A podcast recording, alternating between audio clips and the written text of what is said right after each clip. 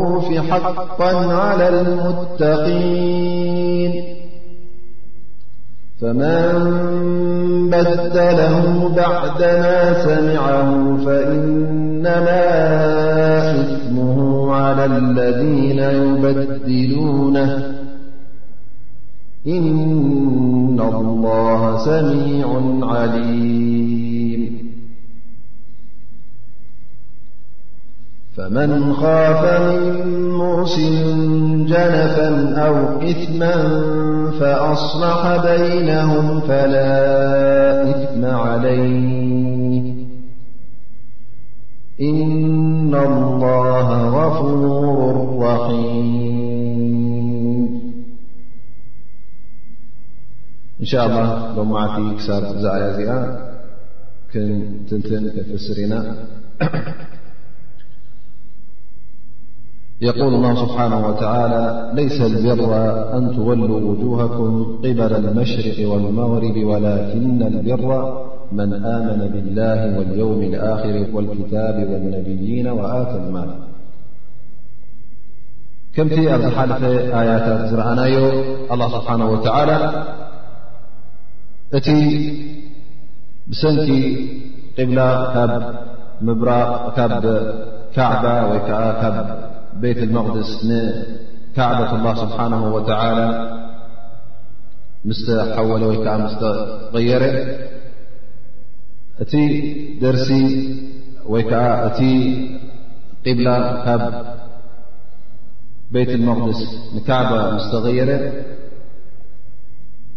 ብሰንኪቶም ኣይሁዳውያንን እቶም ሙናፍቒንን ገለ ኣብ መንጎቶም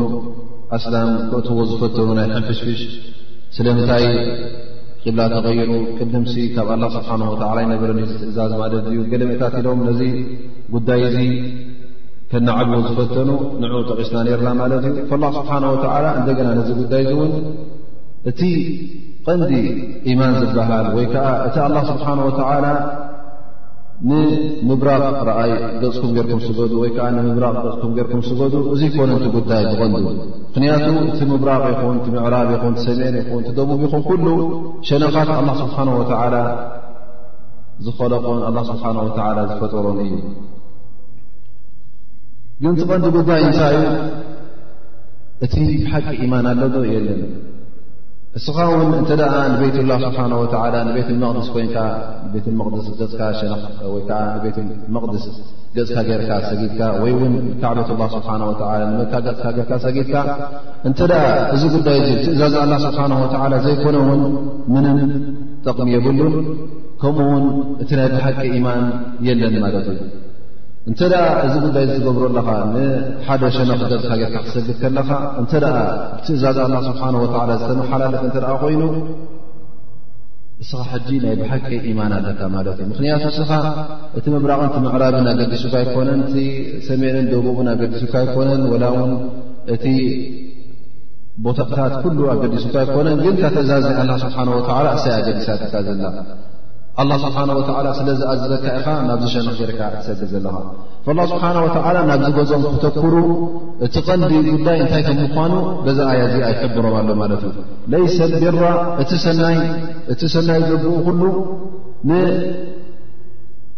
ምብራቕ ርኢኹም ወይ ከዓ ክትሰጉ ከለኹ ንምብራቕ ሰጊድኩምን ንምዕራብ ሰጊድኩምን ኣይኮነን ኣ ኣብቲ ግዜ እቲ ኣይሁዳውያን ክሰጉ ከለዉ ናብ የሸርቕ ነሩ ማለት እዩ ንምዕራብ ገፆም ገሮም ይሰጉ ነይሮም ክርስትያን ድማ ነሳራ ድማ ንምብራቕ ገፆም ገሮም ይሰጉ ላ ስብሓን ወተላ እዚ ቐንዲ ምልክት ይህባ ኣሎ ማለት እዩ ምክንያቱ ሰ ቶም ሰብ ክታብ ከቅድሚ ሕጂ ክታብ ዝወረዶም ተባሂሎም ቀጥ ኢሎም ንሕና ክዲና ኣለና ኢሎም ነዚ ጉዳይ እዚ ክናዕብዎ ዝፈተሙ ላ ስብሓን ወተላ እስኹም ውን ኣንቱም ቅድሚ ሕጂ ክታብ ዝወረዳልኩም ኣይሁዳውያን ኩኑ ክርስትያን ኩኑ ናበይ ገፅኩም ትሰጉ ኣለኹም ብዘየገድስ ናበይ ሸነክ ገፅኩም ትሰጉ ኣለኹም ብዘየገድስ ግን ትቐዲ ነገር ዚ ሃል እዚ ጉዳይ እዚ ኣላ ስብሓን ወላ ኣዚዝኩም ብጣዓት ልላ ስብሓን ወተላ ዲኹም ትገብርዎ ዘለኹ ወይ ስለምንታይ ኹም ወይ ዝፀኒሑና ኢልኩም ኹም ትገብርዎ ዘለኹም ስለዚ እቲ ጉዳይ ኩሉ ምስ ምንታይ ክነተኣሳስሮ ኣለና ምስቲ ምእዘዛ ናይ ኣላ ስብሓን ወላ ላ ስብሓን ወላ መን እዮም ቶም ቢር ወይ ከዓ ቶም ሰብ ሰናይ ሰናይ ዝቁፀረሉ ሰናይ ዘብኡ ኩሉ ኣበይ እዩ ዘሎ ኣብ ሸነኽ ምብራቕ ኣብ ሸነኽ ምዕራብ ጠሚትካ ናይ ሰጋትካ ኣይኮነን ወላኪና ልቢራ መን ኣመነ ብላህ ብኣላ ስብሓን ወላ ቀዳማይ ነገር ክተኣምን ኣለካ ኣላ ስብሓን ወላ ከም ዝኸለቐካ ኣላ ስብሓን ወተዓላ ንኩሉ ዓለም ከም ዝኸለቆ እዚ ኸላቕ እዚ እውን ኸሊቑ እውን ካብ ኸለቕካ ሽሻይ ካብ ሃበካ ርዝቂ ካብ ሃበካ እውን እንታይ እዩ ዝግብኦ መሰሉ እንታይ እዩ ንዕኡ ክተምልኽ ኣለካ ንኡ ክትእዘዝ ኣለካ ኣላ ስብሓን ወተዓላ ዝበለካ እሽሻ ክትቀበል ኣለካ ብዘይክኡ ንኻልእ እውን ከም ጎይታ ገርካ ክትምለኾ የብልካን ከም ጎይታ ገርካ ብዓይ ክትሪዮ የብልካን እቲ ንጎይታ ዝግባእ ኣምልኾት እውን ጥራይ ንኣላ ስብሓን ወተዓላ እንተዘይኮይኑ ፈፂምካ ንኻልእ ፍጡር ክትህቦ የብልካን ንካልእ ፍጡር ውን ከምኡ ጌርካ ክተቕርብ የብልካን ማለት እዩ እቲ ኩሉ ተቕርቦ ኣምልኾት ናብ መን ክቐርብ ኣለዎ ናብ ኣላ ስብሓን ወተላ መን ኣመነ ብላ ናይ ብሓቂ ኢማን ክህሉ ኣለዎ እቲ ኢማን ድማ ቀንዲ ነገር ኣበ እዩ ዘሎ ኣብ ልብኻ እዩ ዘሎ እቲ ልቢ ክነፅሃ ኣለዎ ካብ ኩሉ ሽርክነት ነፂሁ ነቲ ሓደ ኣላ ስብሓን ወተላ ኣዕዚዙን ኣዕብዩ ክሪኦ ኣለዎ ብጀክኡ ውን ካልእ ጎይታ ከምዘየሎ ምስ ኣመነ እቲ ልቢ ምስ ነፅሀ ብድሕሪኡ እውን ኣብ ግብሪ ይርአ ማለት እዩ እቲ ልቢ ዩ ትቐንዲ ነገር ትእማን ኣብኡ ክስረፅ ኣለዎ ትእማን ኣብኡ እተ ሰሪፁ ኣብኡ ድማ እተ ዓብዩ ኣብኡ እተ ዓዚዙ ብድሕሪ ዚ እውን ኣብ ግብሪ ክረአ እዩ እዚ ኢማን ብላ ስብሓ ወ ብኣ ስብሓ ወ ኢማን ክኸውን ከሎ ካልእ እውን ኢማን ኣሎ ወላኪን ኣልቢራ መን ኣመነ ብላሂ ወልየውም ልኣክር ከምኡ ውን ብዮም ቅያማ ዮም ልኣክር በታ መዓልቲ ምፅኣት ኣላ ስብሓን ወተዓላ ነዚ ዓለም እዚኣ ጨሪሱ ፅባሕ ንግሆ ዮም ቅያማ ትበሃል ከም ዘላ ብዚኣ ክትኣምን ኣለካ ብዚኣ እንተ ኣሚንካ እንታ ክትገብር ኢኻ ምኽንያቱ እዛ ኣዱንያ ካብታ ዕድሜኻ ንላዕሊ ክትነብረላ ስለ ዘይትኽእል ይንዋሕ ይሕፀር ሱሳ ሰብዓ ሓምሳ ወላ ሚትን ሚትን ዕስራን ብፃሕ ውዒልካ ሓዲርካ ንሞት ኢኻ እሞ እታ መዋእልካ ትነብረላ እታ ዝገበርካዮ ኣብ ኣዱንያ ዝገበርካዮ ኩሉ ትፍደየላ እለት ዮም ኣልቅያማ ብምዃና ኣሚንካ ንመን ኢኻ ክትሰርሕ ነታ ናይ ፅባሕ ንግሆ ናይ ዮም ኣልቅያማ ኢኻ ትሰርሕ እዚ ኢማን እዚ ዮም ኣልቅያማ ኢማን ብዮም ኣልቅያማ ክበሃል ከሎ ዮም ኣልቅያማ ትመፅእ ከም ምዃና ትኣምን ጥራይ ምምፃእ ኣይኮነን እውን ኣብዛ መዓልቲ እዚኣ እውን ኣላ ስብሓን ወትዓላ በቲ ዝገበርካ ክፈድየካዮ ኣስላማይትኾንካ በቲ ስልምናኻ ክሕድካ እተ ርካ ኮንካ በቲ ክድነትካ ኣስላማይ ኮንካ ውን እተ ማዕስያ ዘይምእዛዝ ተርኢ ነርካ ኮንካ ካብቲ ኣላ ስብሓን ወላ ዝወሰደካ መንገዲ ካብኡ ጥርጥር ኢልካ ትወፅእ እተ ርካ ገደ ትሰግር እተ ርካ ኮንካ ፅባሕ ንግሆውን ክትሕተት ኢኻ እቲ ትሰግሮ ነበርካ ዓብ ድዩ ወይስ ንእሽተይ ዓብ ዘንቢ ድዩ ወይ ቀሊል ዘንቢ ከከም ዘንብኻ ፅባሕ ንግሆ ተመዚንካ ክትፍረደሉ ዝኾነ መዓልቲ ክመፅእ ስለ ዝኾነ በዚ መዓልቲ እዚ ግዴታ ክትኣምን ኣለካ በዚ መዓልቲ ምስ ተኣምን እውን ናይ ግደ እተ ቆርብ ኣእምሮ ኣለካ ኮይኑ እተ ቆርብ ፍጠት ኣለካ ኮይኑ እውን ኣብዛ ዱንያ ንፅባሕ ንግሆስ እንታይ ሕዘ ክኸይደ ኢልካ ኩሉ ግዜ ክትሓስብ ኢኻ ምኽንያቱ እታ ውሕድትን እታ ዘይትረብሕን ክትዕሽወካ የብላን የብልካን እንታይ ደኣ ነታ ንዓኻ ትረብሐን ነታ መዋእልካ ትኸስበናን ወይ መዋእልካ ተኸስረላ ንዓኣ ናብ ኣገፅካ ኣቶኪርካ ብጣዕሚ ክትግደስ ኣለካ መን ኣመነ ብላሂ ወልየውም ልኣክር ከምኡ ውን ወልመላእካ ከምኡ ውን ብምንታይ ተኣምን በቶም መላእካታት ኣላ ስብሓን ወተዓላ ዝፈትዎም መላእካታት ቃሉ ዝሰምዑ ምእዙዛት ዝኾኑ መላእካታት ከም ዘለዉ እዞም መላእካታት ድማ ኣላ ስብሓን ወተዓላ ገሊኦም በስማቶም ጠቂሱልናዩ ኣብ ክታቡ በስማቶም ንኣምሎም ንጅብሪል ዝተባህለ መላእካ ከም ዘሎ ወይ ገብርኤል ብልዎ ብትግርኛ ከምኡ ውን ሚካኤል ዝተባህለ ከም ዘሎ መለከል ሞት ከም ዘሎ እዞም በስማቶም እተጠቕሱ መላእካታት ብበስማቶም ወይ ውን በቲ ተግባሮም ዝተጠቕሱ መላእካታት ኣለዉ ኮይኖም ድማ በቲ ተግባሮም ተኣምን ማለት እዩ እንተ ደኣ ዘይተጠቕሱ ኮይኖም እውን ኣላ ስብሓን ወተላ ብዙሓት መላእካታት ኣለዉ ስለ ዝበለካ በቶም መላእካ ኩሎም ብሓፈሽኡ ተኣምን ኢማን እጅማሊ ወከዓ ሓፈሻዊ እምነት ተኣምነሎም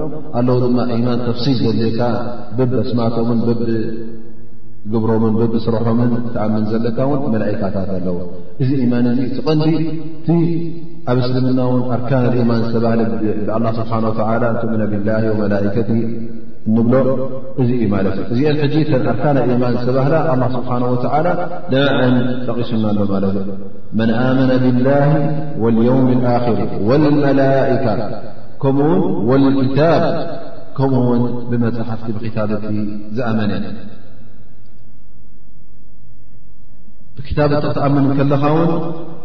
ኣላ ስብሓን ወተላ ብዙሕ ክታብቲ ከም ዘውረዶ ክትኣምን ኣለካ ጥራይ ሓደ ክታብ ኣይኮነን እቲ ናባና ዝወረደ እወ እቲ ናይ መደምደምታ ዝኾነ መደኽቲ ናብ ደቂ ሰብ ዝወረደ ክታብ ቁርን ከም ምኳኑ ትኣምን እዚ ክታብ እዚ እውን ነቲ ኩሉ ዝሓለፈ ክታብቲ ካብ ኣላ ስብሓን ወተዓላ ዝወረደ ንዕኡ ከም ዝሰረዘን እቲ ሕጂ ኣብዚ ግዜና ክጓዓዝ ምሳና ዘለዎ ክታብ ክታብ ቁርን ከም ምዃኑ እቲ ቅድሚ ሕጂ እዎ ኣላ ስብሓን ወተዓላ ዘወረዶ ክታብቲ ነይሩ ግን እዚ ክታብቲ እዚ ኣላ ስብሓን ወተዓላ ንውሱን ግዜ ስለ ዝገበሮ ማለት ክሳዕ ነቢና ሙሓመድ ለ ላ ለ ወሰለም ክትግበር ኢሉ ኣላ ስብሓን ወተዓላ ስለ ዝወሰነ ድሕሪ ነቢና ሙሓመድ ስ ሰለም ግን እቲ ክትግበር ዘለዎ ክታብ ኣየና እዩ ክታብ ቁርን ናህና ማለት እዩ እቲ መጨረሻ ካብ ኣላ ስብሓን ወላ ዝወረደ ክታብ ካብ ኣላ ስብሓን ወላ ዝወረደ ዲስቱር ማለት እዩ ልክ ከምዚ ሓደ መንግስቲ ቀዋሚ ሕጊ ኢሉ ከውፅእ እንከሎ እንተ ደኣ ሓድሽ ቀዋሚ ሕጊ ውፅኡ እቲ ኩሉ ቅድሚ ሕጂ ዝነበረ ተሰሪዙ እዩ ዝብል እንተ ሕጂ ማ በቲ ናይ ቀደሚ ክሰርሕ ትብል እተ ኮንካ ካብ ሕጊ ወፅእካ ማለት እዩ ልክ ኣላ ስብሓን ወላ ውን እቲ ቅድሚ ሕጂ ዘውረዶ ክታብቲ ኢሉ እዚ ቅድሚ ሕጂ ዝወረደ ክታብቲ ንውሱን ግዜ ስለ ዝነበረ ኩሉ እቲ ኣድላይ ኣድላይ ዘበለ ኣብቲ ክታብ ቁርን ኣስፊረ ኣለኹ እቲ ብድሕሪ ሕጂ ንቶም ሰባት በቲ ራሕማናተይ ይሕሾምን ይበልፀሙ ኢለ ዝቆፀርክዎ ኣብዚ ክታብ እዚ ስፊረ ኣለኹ እቲ ድሕሪ ሕጂ እውን ዘይኮኖም ስሪዘዮ ስለ ዝበለና እቲ ቅድሚ ሕጂ ዝወረደ ክታብ ኣላ ስብሓን ወተዓላ ከም ዝሰረዞ ንኣምር ግን ከም ዝወረዶ ውን ንኣምር ቅድሚ ሕጂ ክታብ ከም ዝነበረ ተውራት ዝበሃል እንጂል ነይሩ ተውራት ነይሩ ዘቡር ነይሩ እዚ ኩሉ ክታብ እቲ ካብ ኣላ ስብሓን ወተዓላ ከም ዝወረደ ክንኣምን ኣለና እንተ ኣይወረደ ኢልካ እተ ክሕዝካ ግን ከምቲ እስልምና ተወፅእ ኣለኻ ማለት እዩ እዎ እቲ ኣብኡ ዝርከብ ኩሉ ተንቲንካ ብኡ ክትሰርሕ ኣይትሕተትን ኢኻ ግን ብሓፈሽኡ ንኽትኣምን ትሕተት ኢኻ ማለት እዩ ካብ እስልምና እውን የውፃካ እዩ ልክዕ ከምቲ እንተ ብሓንቲ ወይ ከዓ ብሓደ ነቢ ክሒድካ ንብሎ እንብሎ ብሓደ ነቢ እተ ክሕድካ ልክዕ ብኩሎም ኣንብያ ከምዚ ክሓድካ ኢና ንብሎ ልክዕ ኣብቲ ክታብ እውን ከምኡ እዩ ዝቁፅር ኣብቶም መላእካ እውን ከምኡ እዩ ዝቁፅር እንተ ኣነ ብሚካኤል ጥራይ ዝኣምን ጅብሪል ላኪን ኣሎን የለን ይኣመለ ትብል ጠራጠር እ ትብል ዘለካ ኮይንካ ኩሉ ሓደ ዩ ዳኣሎ እቲ ብሚካኤል እመን ዝበለካ መን ነፍሱ እቲ ብጅብሪል እመን ዝበለካ እዩ ስለዚ ከመይ ጌርካ ነቲ ሓደ ትእዛዝ ክቕበል ካብ ኣላ ስብሓን ወተዓላ ከመይ ጌርካ ክነቲ ሓደ ትእዛዝ ትነፅቦ ስለዚ ኣብ ኢትካ ኣይኮነን መን እዩ ዝውስን ኣላ ስብሓን ወተዓላ እዩ ዝውስን ነቲ ኣላ ስብሓን ወተዓላ ዝወሰኖ በዝን በዝን በዝን በዝን እመን ዝበለካ እሽልካ ሕራይልካ ተኣመን ማለት እዩ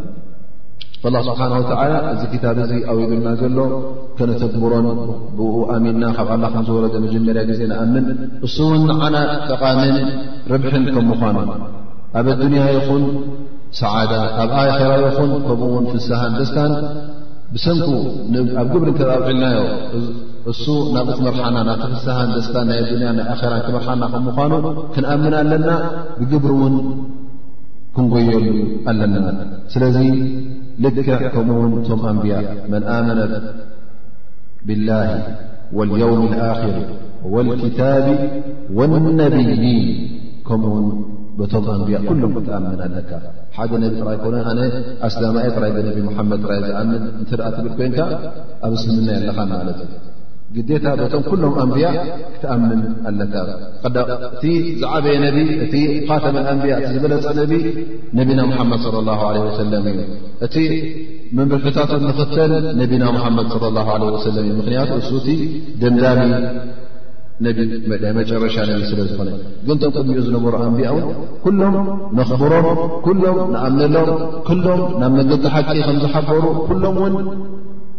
ናብቲ ተውሒድ ናብቲ ኣላ ስብሓን ወተላ ሓደ ከም ምኳኑ ነዚ ጉዳይ እዚ ከስምሩን ነዚ ጉዳይ እዚ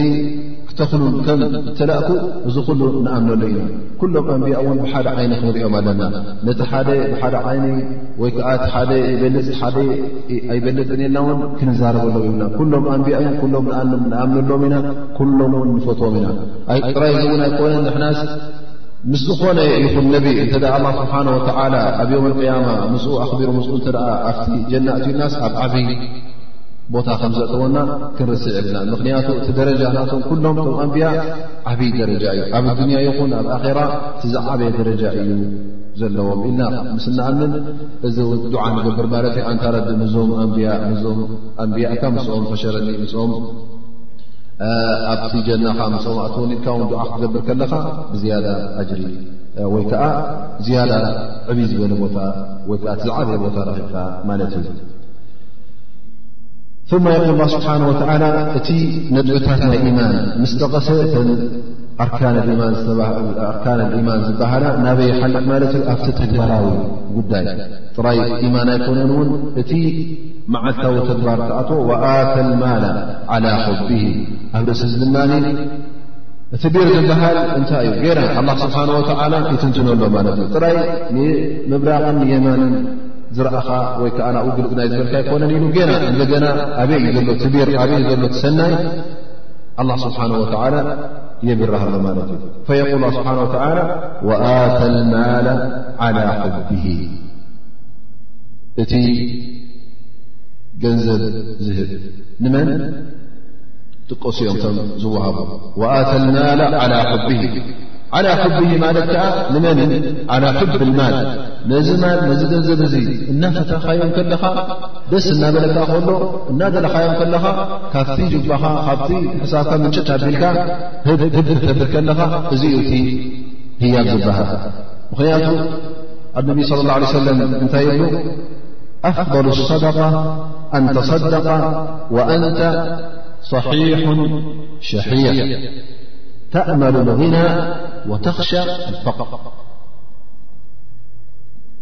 ወኣንተ ሰሒሕ ሸሒሕ ሰሒሕ ማለት ገና ክትዕናኻ ከለኻ ሸሒሕ ማለት ከዓ ገና ኣብ ምእካብ ገንዘብ ከለኻ ገንዘብ እናፈተኻዮ ከለኻ እናደለኻዮ ከለኻ ህፍን ክውስኽ እናበልካ ከለኻ ተእመኑ ዒና ወተኽሸ ፈቐር ኣብዚ ሰዓት እዚ ካ ክትፅደቕ እምበር እንተ ደኣ ፅባሕ ንግሆ ሞት ኣብ መከራኸሮ በፂሓ ክትመወት ምስ ቀረብካ ሽዑ እ ተሰዲቕካ ዳርጋ ዘይተሰደቕካ ምኽንያቱ ትሪኣ ኣለኻ ደካትራ ኢሎምኻ ተስፋ የብልካን ተገበርካ ወርሒ ሰለስተ መዓልቲ እታ ሕማም ላስ እታ ልቢ ወይ ከዓ እታ መዓንጣ ትበለ ዘይትፈልጦ ኩሉ ወይ ከዓ ገለ ሓሪሩ ላስ ን ሕጂ ጠቅሚ ኒኻ ምስ ብልኻ ሽዕኡ ቧእ ኣንፅወቲ ገንዘብ ንፍላን ከምዝሃቦ ሰደቃ ንከምዚ ከምዝግበሩሉ እዚኣ መስጊ ትስርሕዋ ኣብይ ነርካ ተማሊ ሕጂ ተስፋ ምስ ቆረፅ ካዛ ኣዱንያ እዚ ገንዘብ ኸላስ ዝጠፍእ ኣሎ ድርገሎ ኣንሓንቲ ከይትጠቐምኩ እናበልካ ከለኻ እዚ ሕጂ እወ ሰደቃ ክሕሰበልካ ክእል እዩ ንና ኣጅሪ የብልካን ኣይንብልን ግን እነቢ ስ ሰለ ንል ኣፍበሉ ሰደቃ እቲ ዝበለፀ ሰደቃ ሰደቃ ናይ ብሓቂ ኣጅሪ ዝሕሰበልካ መዓስ እዩ ኣንተሰደቀ ወኣንተ صሒሕ ሸሒሕ ገና ሃረብረም እናብለትክና ነፍሲ ክህፍትም እየ ክድልብ እየ በዓልኩዝተኸርክቦም እየ ብፆተይ ሓሊፎም ውን ናበልካ ከላ እታ ነብሲ ሽዑኡ ካብቲ እኮብ ገንዘብ ካብ ጅባኻ ምንጭት ኣቢልካ ናእደለካ ከለኻ ዘን ገንዘብሲ ንዕን ከተውፅእን ከለኻ ሽዑኡ እዩ ላ ስብሓን ወላ ኣብ ብዙሕ ቦታታት እውን ገና እቲ ፍርቂ ፍቕሪ ናይ ገንዘብ ኣብ ልቦኻ ከሎ ሽዑ ክተውፅእን ከለኻ እሱ ኣጅሪ ከም ዘለዎ ኣብ ብዙሕ ቦታታት ነቢ ስብሓ ወላ ኣብ ብዙሕ ኣያታት ተቂሱ ወይል ላ ስብሓን ወላ ወዩጥዒሙና ኣጣዓማ ዓላ ሑብ ምስኪና ወየቲማ ነፍሲ ሸ ወዩጥዒሙና ኣጣዓማ ንሰብ መሳኪን ክተዕንግን ከለኻ ክተብልዕን ከለኻ እዚ ብልዒ እዚ ካብ ትብልዕኻ ወሲድካ ወይከዓ ካብቲ ገንዘብ ትፈትዎ ገንዘብ ዘድልካ ገንዘብ ካብቲ ንዓይ ኮነኒ ትብሎ ነበርካ ገንዘብ ካብ ወሲድካ ክትህብ ከለኻ እዚ እዩ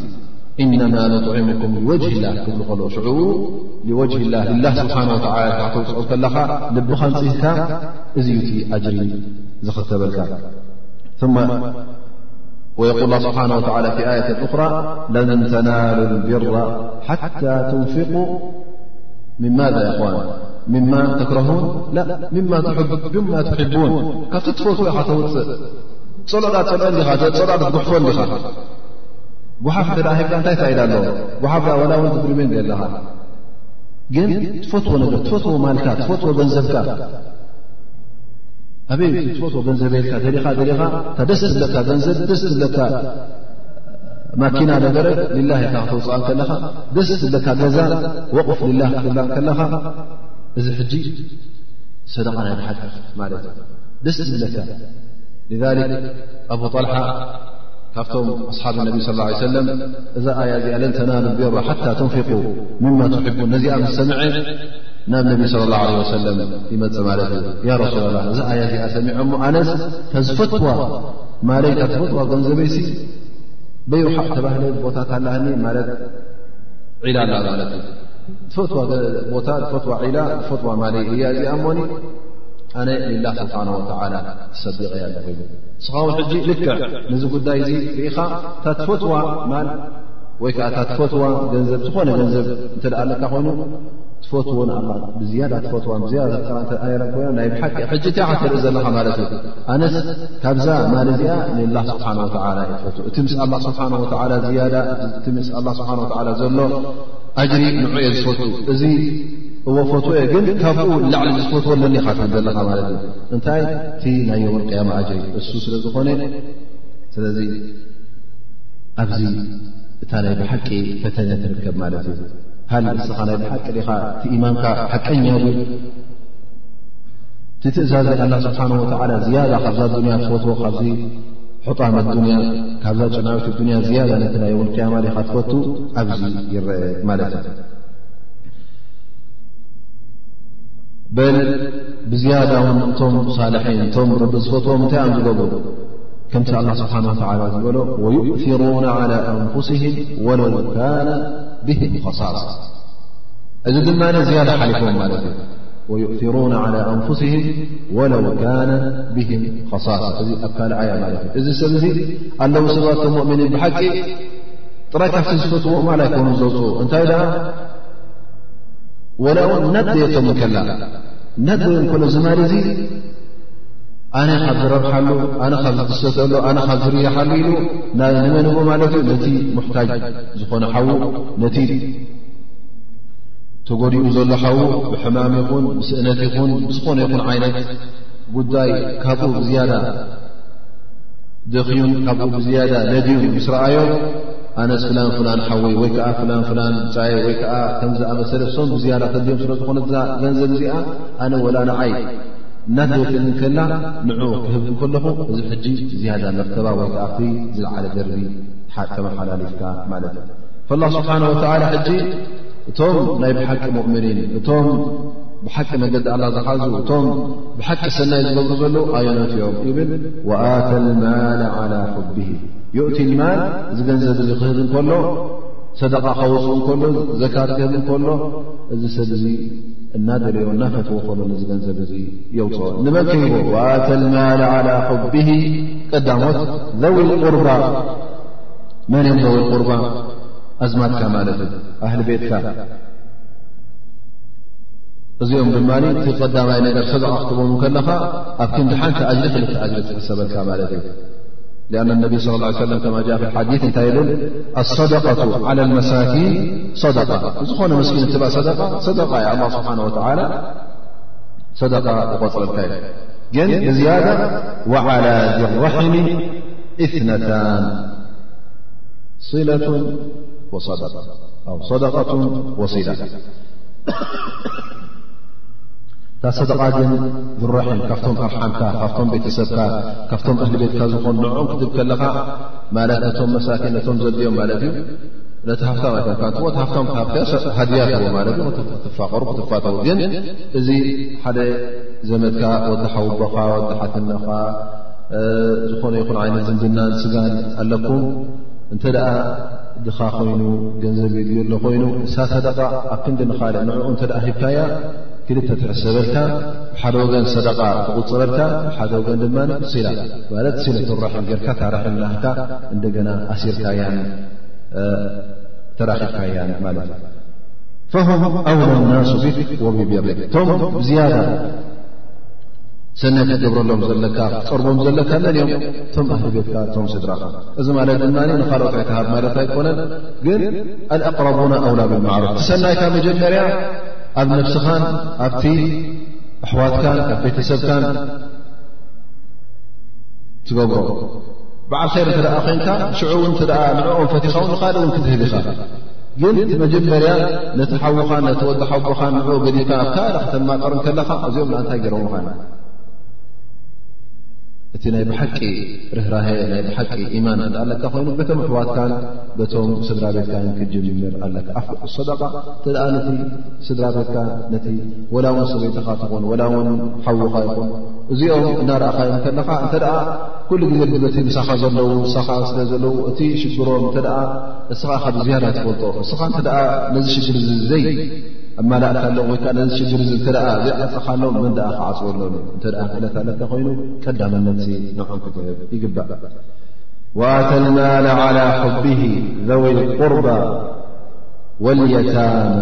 የታማ ማለት ድማ ኣቦ ዘይብሉ ዘይኣኸለ ቆልዓ ማለት ዩ ጓንሰ ትኹን ወተባዕታ ገና ንእሽተይ እንከሎ ኣቦኡ ዝሞቶ የቲም ይበሃል የቲም ክበሃል ከሎ ድማ ክእለት ስለ ዘይብሉ ንኽእል ገንዘብ ንኽሰርሕ ማለት ዩ ገንዘብ ንኽእክብ ወይ ከዓ ገንዘብ ንኸምፅእ ንዓንዲ ቁድሪ ዓለት እትሳር ስለዚ እዚ የቲም ይቁፅር ማለት እዩ እዚ የቲም እዚ ግን ሓድሓደ ኣይታም እውን ኣለዉ ሃፍታም ኮይኑ ሰደቃ ዘካትን ኣይግብኦን እዩ ግን መብዝሕቱ የቲም ክኸውን ከሎ ቴስ ሓሚቲ እቲ ገንዘብ ዘምፃሉ ዝነበረ እቲ ዝራዕዮ ዝነበረ እቲ ዝኣልዮ ዝነበረ ምስ ሞተ እዚ ሰብ እዚ ዝቆልዓ እዚ ዝኣልዮን ዝናብዮን ይደሊ ማለት እዩ ግን ክሳዕ መዓሲ እዚ ክሳዕ ክንዲ ሰብ ዝኣክል ሊኣ ነቢ ስ ሰለም የል ላ ዩትማ ባዕዳ ኩል ማለት ድሕሪ ክንዲ ሰብ ምስ ኣኸለ ድሕሪኡ የቲም ኣይቁፅርን እዩ ሰደቃ ውን ኣይግብኦን እዩ ግን ገና ንእሽተይ እንከሎ እዚ ሰብ እዚ ሰናይ ክትገብረሉ ገንዘብ ክትቦ እቲ ኣላ ስብሓን ወተላ ዝኣዘዞ ይኸውን ከምኡ ውን ወኣተ ልማል ዓላ ሕብ ዘው ቁርባ ወልየታማ ወልመሳኪን ከምኡ ውን መሳኪን መሳኪን ዝበሃል ድማ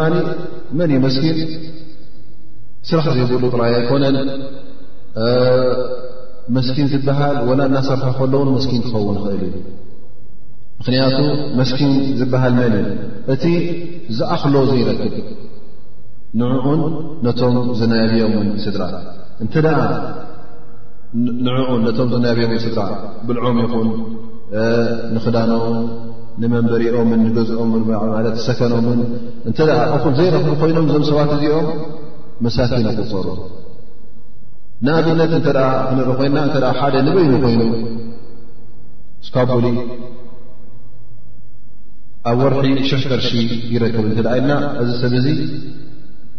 ድኻይ ቅፅርን እዩ ማለት ነብሱ ዝኣክል ኣለ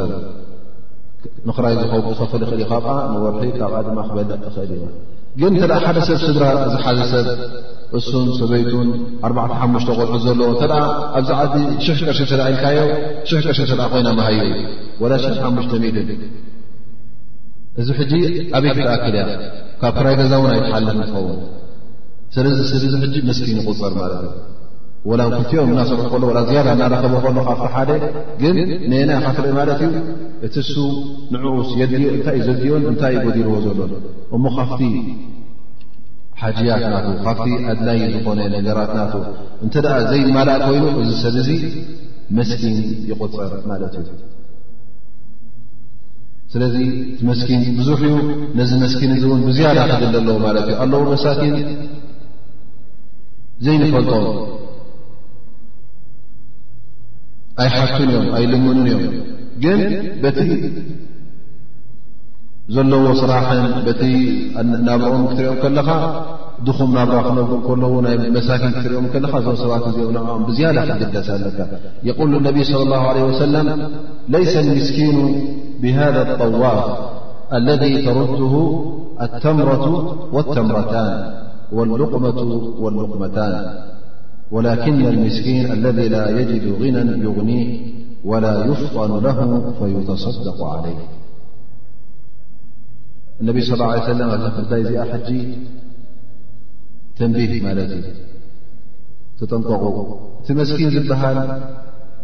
እዚ ፈቆዶ እናዞረ ረቢ ሃብኩም እናበለ ገለ ሰደቐና ክሳዕ ሳንቲም ወዲ ሳንቲም ናሃካ ብሳንቲም ትመልሶ ተርድሁ ኣተምረቱ ወተምረታን ማለት ኣብቲ ግዜ ዝነበረ ለማናይ ክመፅእ እንከሎ ተንብብዎ ነይሮም ሓንቲ ብዝከኣሎም ተንብብዎ ተምርሑ እዩ ዝኸይድ ከምቲ ኣብ ዓድና ድማ ሳንቲም ቀደም ሳንቲም ነራ ሕጂ ክነይ በፅሓት ኣላ ዓለም ብሳንቲም ብገለ ክመልሶ ወይ እውን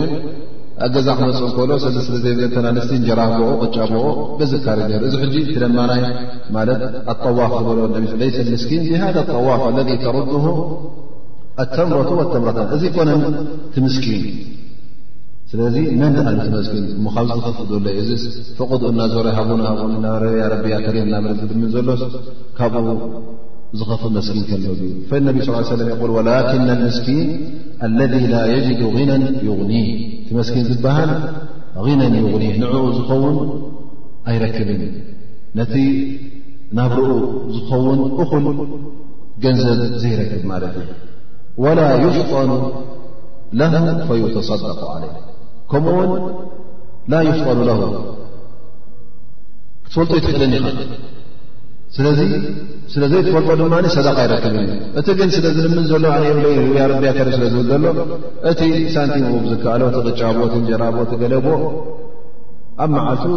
ገሊኡ ረኪቡ ርፅቁ ረኪቡ ከይድ ማለት እዩ ግን ኣለው ካልኦት መሳኪን በቲ እናሰርሑ ከለዉ በቲ እና ላዕልን ታሕቲ እናበሉ ከለዉ በቲኣን በቲኣን ክመላለእዋ ፍትኑ ሎም መዓልቲ ገለ ረክብ ፅባሕ ንግሆ ይረክብን ኣብ ዓበይ ሽግር ሕጂ ስኻ እንታይ መስለካ ዝሰሪሖ ኣቶ ስለ ትሪኦ ዘለኻ ኣለዎ ይኻትሉ ፈየኩን ከማ ቃል ነቢ ስ ሰለም ወላ ይፍጠኑ ለ ይስርሕ ኣሎ ጥዑን ንእሎ ይኣት ይወፅእ እናበልካ ሕጂ እስኻ እንታይ ከምሰርሕ ዘሎ ይፈለትካ እንታይ መሃይ ውፅእቲ ዘውፅኦ ዘሎኸ እንታይ እዩ ክንደ ውፅእ እዚታት ኣይትፈልጦን ኢኻ ስለዚ እዚኦም እዮም ቶም መሳኪን ናይ ብሓቂ ስለዚ እንተ ደኣ ሓደ ሰብ ረቢ ር ሂብዎ ሽሻይ ሂብዎ ገንዘብ ሂብዎ ነዞም ከም ዝኣመሰሉ ሰባት ክሓትት ኣለዎ እታ ሰደቓ ከውፅእ ከሎ ንዝነበረ ካብ ቅድሚኻ ዝፀንሓካ ይኮን ከንትባ እንታይ ደኣ ትሓትት መን ኣለዉ መስኪን መን ኣለዉ ስራሕ እናሰርሐ ከሎ ስርሑ ድኹም ዝኾነ ስራሕ ዝሰርሕ ንስድርኡ እኹል ገንዘብ ክምፅኣሎም ዘይክእል ሽግር ዘጓንፍልካ ንዕኦም ትሓትት ማለት እዩ ንዕኦም ድማ ቀዳመነት ትህብ ምክንያቱ እዚኦም ብዙሕ ሰባት ኣይፈልጦምን እዩ እቲ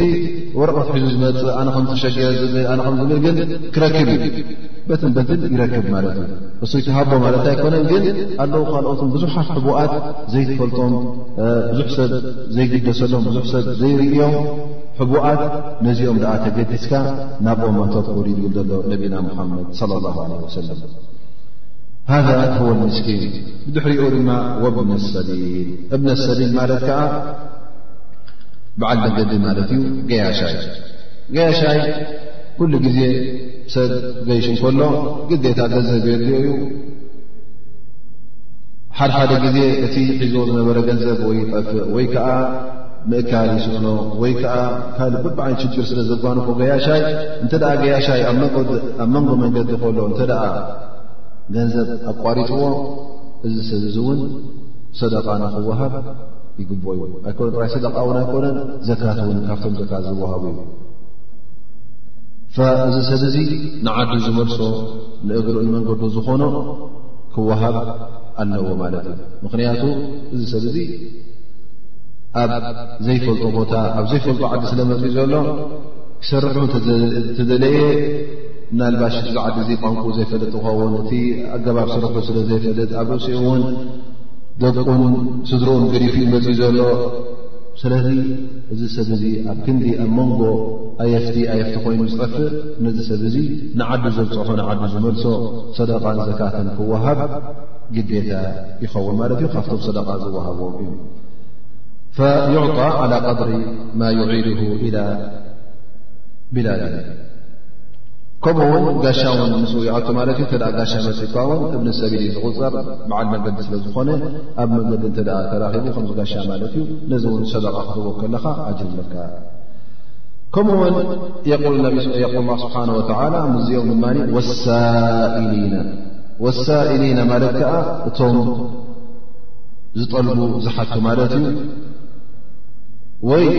ሽግር ኣጓኒፍዎም ኣብ ሓደ ሽግር ወዲቆም ዕዳ ወሪድዎም እሞኒ ኣነስ ከምዚ ከምዘን ዕዳ ኣለኒ እሞኒ ንዓ ሓግዘኒ ኣነ ከምዝን ከምዝን ኣለኒ እሞ ሓገዙኒ ዝብል እዚ ክሓተካ ዝመፀ ንኣድላይ የያዕ ወይ ንዕኡ ይኹን ወይ እውን ንካልኦት ይኹን ሳኢሊን ማለት ሓተቲ ማለት እዩ ጠለብቲ ማለት እዩ ክጠልብ እንከሎ እዚ ሰብ እዚ ወይ ንዕኡ ይጠልብ ወይ ከዓ ንካልእ ሰብ ኣሎ ከምዚ ከም ዝኣመሰለ ሰብ ከምዚ ከምዝን ሽግር ኣጓኒፍዎ ኢሉ ክመፀካ እንከሎ ነዞም ሰብ እዚኦም እውን ሃቦም ኣይትምለሶም ከይሃብካ ኣይትምለሶም ይብለካ ኣሎ ማለት እዩ ገለ ገለ ሰባት እውን ምናልባሽ እዚ ሕቶ እዚ እውን ንዕኦም ኣይኮነን ወላ ንካልእ ሰብ ኣይኮነ ግን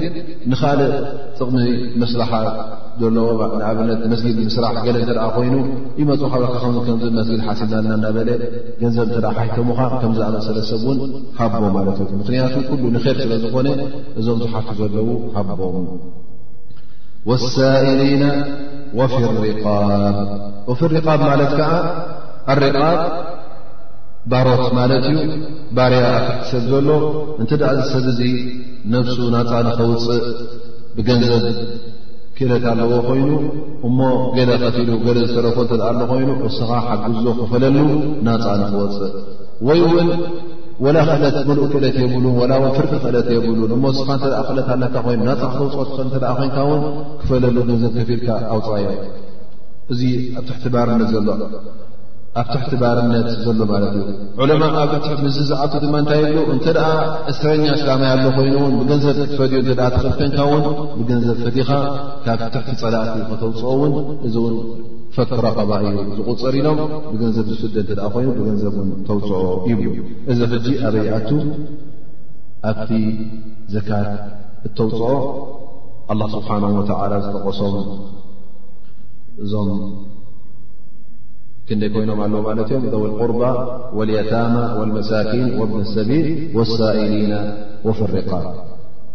ሽዱሽተ ኮይኖም ኣለዉ ማለት እዩ እዚኦም ኩሎም ኣይኮኑን ኣየት ናይ ዘካ ካላ እቶም ሸሞንተ ናይ ዘካ ዝቆጠረቶም ግን ኣላ ስብሓን ወተዓላ ኣብዚ ሕጂ ብሓፈሸ እዩ ጠቂስዎ ዘሎ ማለት እዩ እቲ ጉዳይ ግን እዚኦም ብዝያዳ ኣተኪርካ ክትጥምቶም ኣላ ስብሓን ወተዓላ ኣብዚ ኣያ እዚኣ ዘኪርዎም ማለት እዩ ኣብ ርእሲ እዚ እውን ኣቃመ ኣሰላ እቲ በዓል ሰናይ ዝበሃል እውን እቲ ንሰላቱ ዘቕውም ማለት እዩ እዛ ሰላት እዚኣ ድማ ኣቑምካያ ክትበሃል ከለኻ ኩሉ እቲ ሽሩጥ ናታ እቲ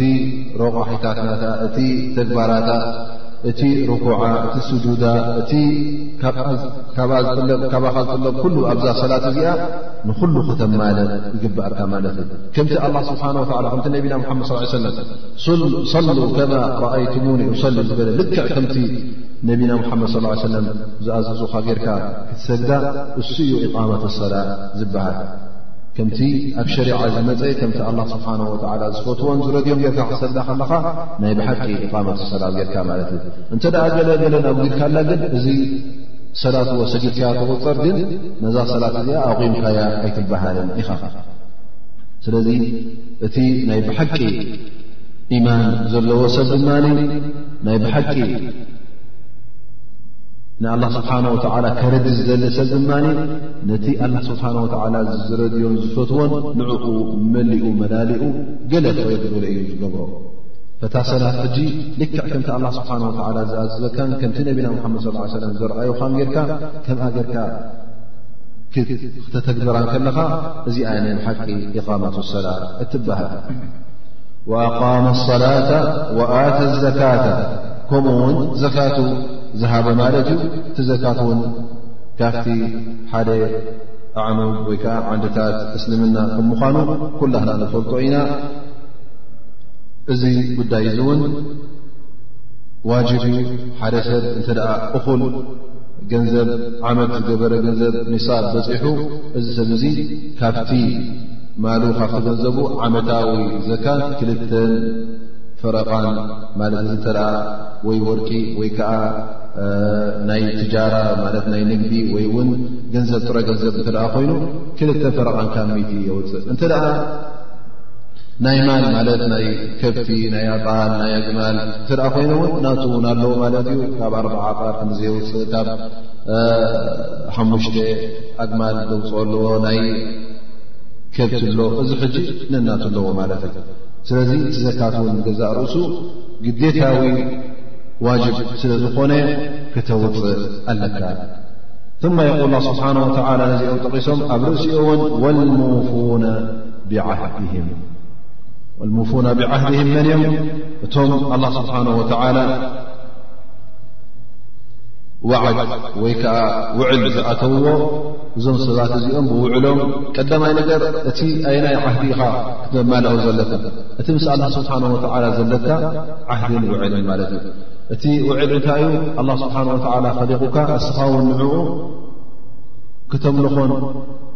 ክትምእዘዞ እዚ ተቐዳማይ ውዕል ካልእ ውዕል እውን ኣሎ ምስ ደቂ ሰብ ትገብሮ ማለት እዩ እዚ ውዕል እዚ እውን ከተኽብሮ ኣለካ ተቐዳማይ ነገር ናይ ኣላ ስብሓን ወተላ ውዕል እዩ እቲ ዓህዲ ናይ ኣላ ስብሓን ወተላ ካልኣይ ዓህዲ ድማ እቲ ምስ ሰብ ትገብሮ ውዕል ማለት እዩ እንተ ደኣ ምስ ሰብ ዝገበርከ ውዕል ኣሎ ኮይኑ ዓህድ እንተ ደኣ ኣሎ ኮይኑ ነዚ ዓህዲ እዙ ከተኽብሮ ኣለካ ክትብትኖ የብልካን ብኣፍካን ብግብርኻን ዝኣተኻዮ ምስምማዕ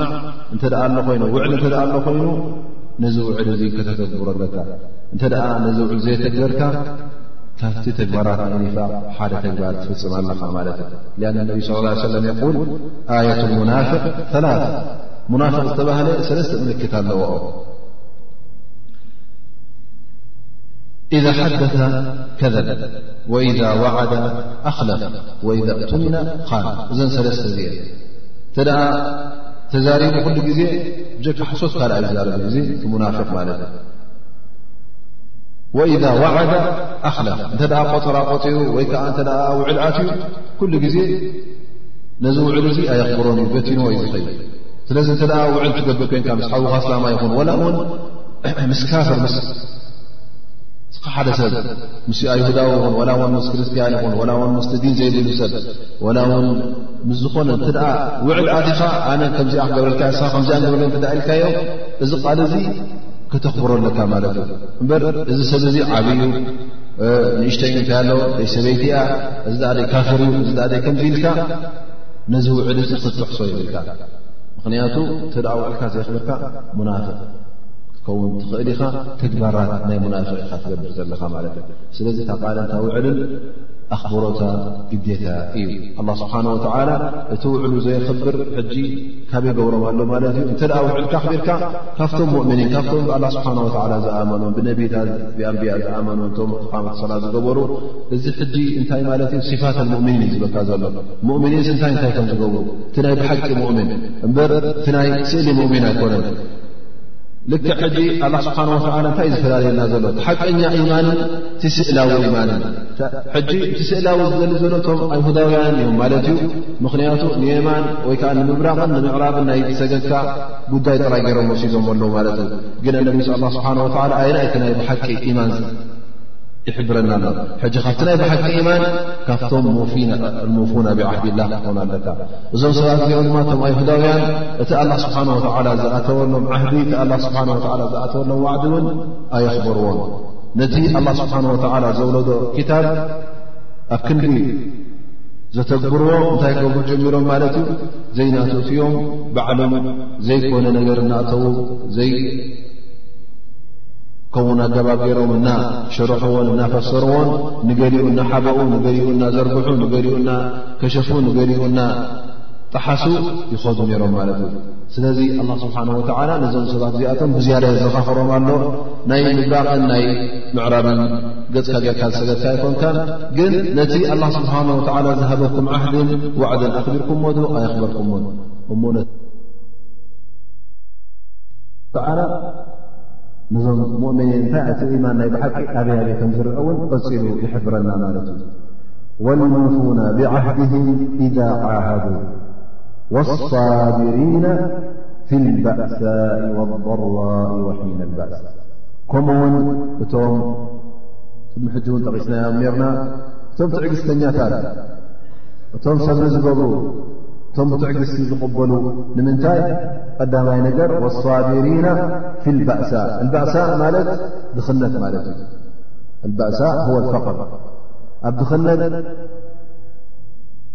ኣብ ምንዳይ ኣብ ገንዘብ ምስኣን ክኸውን ከሎ እዞም ሰባት እዚኦም ሰብ ኣለዎም ኣይጭበርብሩን እዮም እሶም ፀሞም ክሓድሩ ከለዉ እቲ ካልእ ተድሪቡ ክሓድር ከሎ እዛ መዓልቲ እዚኣ ብሰብን ብትዕግስትን የሕልፍዋ ደቆም ክጭነቑ ከሎ ደቂ ካልኦት ረኺቦም ከምድላዮም ገንዘብ ከንዳዕድዑ ከለዉ እሱ ግን ገንዘብ ውሒድዎ ንደቁ እኹል ብልዒ ኣየምፃሎም ጠሚዮም እናረኣዮም ከሎ ነዚ ጉዳይ እዚ ብትዕግስቲ ብሰብሪ ክሕልፎ ከሎ እዚ ጉዳይ እዚ ኣላ ስብሓን ወተዓላ ኣጅሪ ይገብረሉ ማለት እዩ እዚኦም ሕጂ ካብኦም ካብቶም ሳብሪ እዚ ሕጂ ምክንያቱ እዛ ዱንያ ከታ ዝበለያ ከ ሕጂ ኩላ ፈተነ እያ ኣላ ስብሓን ወተዓላ ወይ ብሃፍቲ ፍትነካ ክእል ወይ ብደኽነት ግን እቲ ዝዓበየ ድማ መብዝሕቲ ሰብ ዝፍተነሉ እቲ ናይ ድኽነት ስለ ዝኾነ ኣላ ስብሓን ወተላ ኣብዚኣ ልዕዞ ወሳቢሪና ፊ ልባእሳ እዚ ሕዚ ኣብ ድኽነት ማለት እዩ ወራ በራእ ማለት ከዓ ሕማም ክወርደካ እንከሎ እዚ ዩ በራእ ዝበሃል ጉድኣት ክወርዳ ከሎ እዛ ነፍስኻ ብሕማም ትሳቐ ከለኻ ነዚ ሕማም እዚ ድማ ብሰብሪ ብትዕግስቲ ክትገጥሞም ከለኻ እዚ ትዕግስትን ሰብርን ግን ሊላህ ክኸውን ኣሎ እዚ ሰብርን ትዕግስትን ነቲ ኣላ ስብሓን ወተዓላ ዝኣዘዘካ ንዕኡ እና ኣተኮርካ ካብኡ ተበጊስካ ክኸውን ከሎ ዝያዳ ኣግሪ ትረኽበሉ ወሳብሪና ፊ ልባእሳኢ ብክነት ወበራ ከምኡ ውን ሕማምን ጉድኣትን ተጓንፋ ከላ እዛ ነብስኻ ወሒነ ልባእስ እዚ ድማ ትዝዓበየ ሰብን ትዕግትን ዘድልዮ ሒነ ልባእስ ማለት ከ ሒነ ልታል ወሒነ ልጅሃድ ኣብ ዓውዲ ኩናት ኣብ ዓውዲ ቅታል ኣብ ዓውዲ ጅሃድ ክከውን ከለኻ ሽዕኡ እታ ነፍስኻ ኣብ መንጎ ሞትን ኣብ መንጎ ህየት ክትከውን ከላ እታ ሞት ብዓይኒ ሓናርኣያ ከለኻ ኣብዚ ቦታ እዚ ሰብርን ትዕግስትን ጌርካ እሞ ኸዓ ኣነ እዚ ሞተይ እዙ እዚ ደውልዮ ዘለኹ ቦታ እዙ ልላህ ኢልካ ዝመፀ ይምፃእ ኢልካ ክትፅበን ከለኻ ክትቀበሎም ከለኻ ነቲ ሞት ብትዕግስቲ እዚ ሕጅት ዝዓበየ ትዕግስቲ ማለት እዩ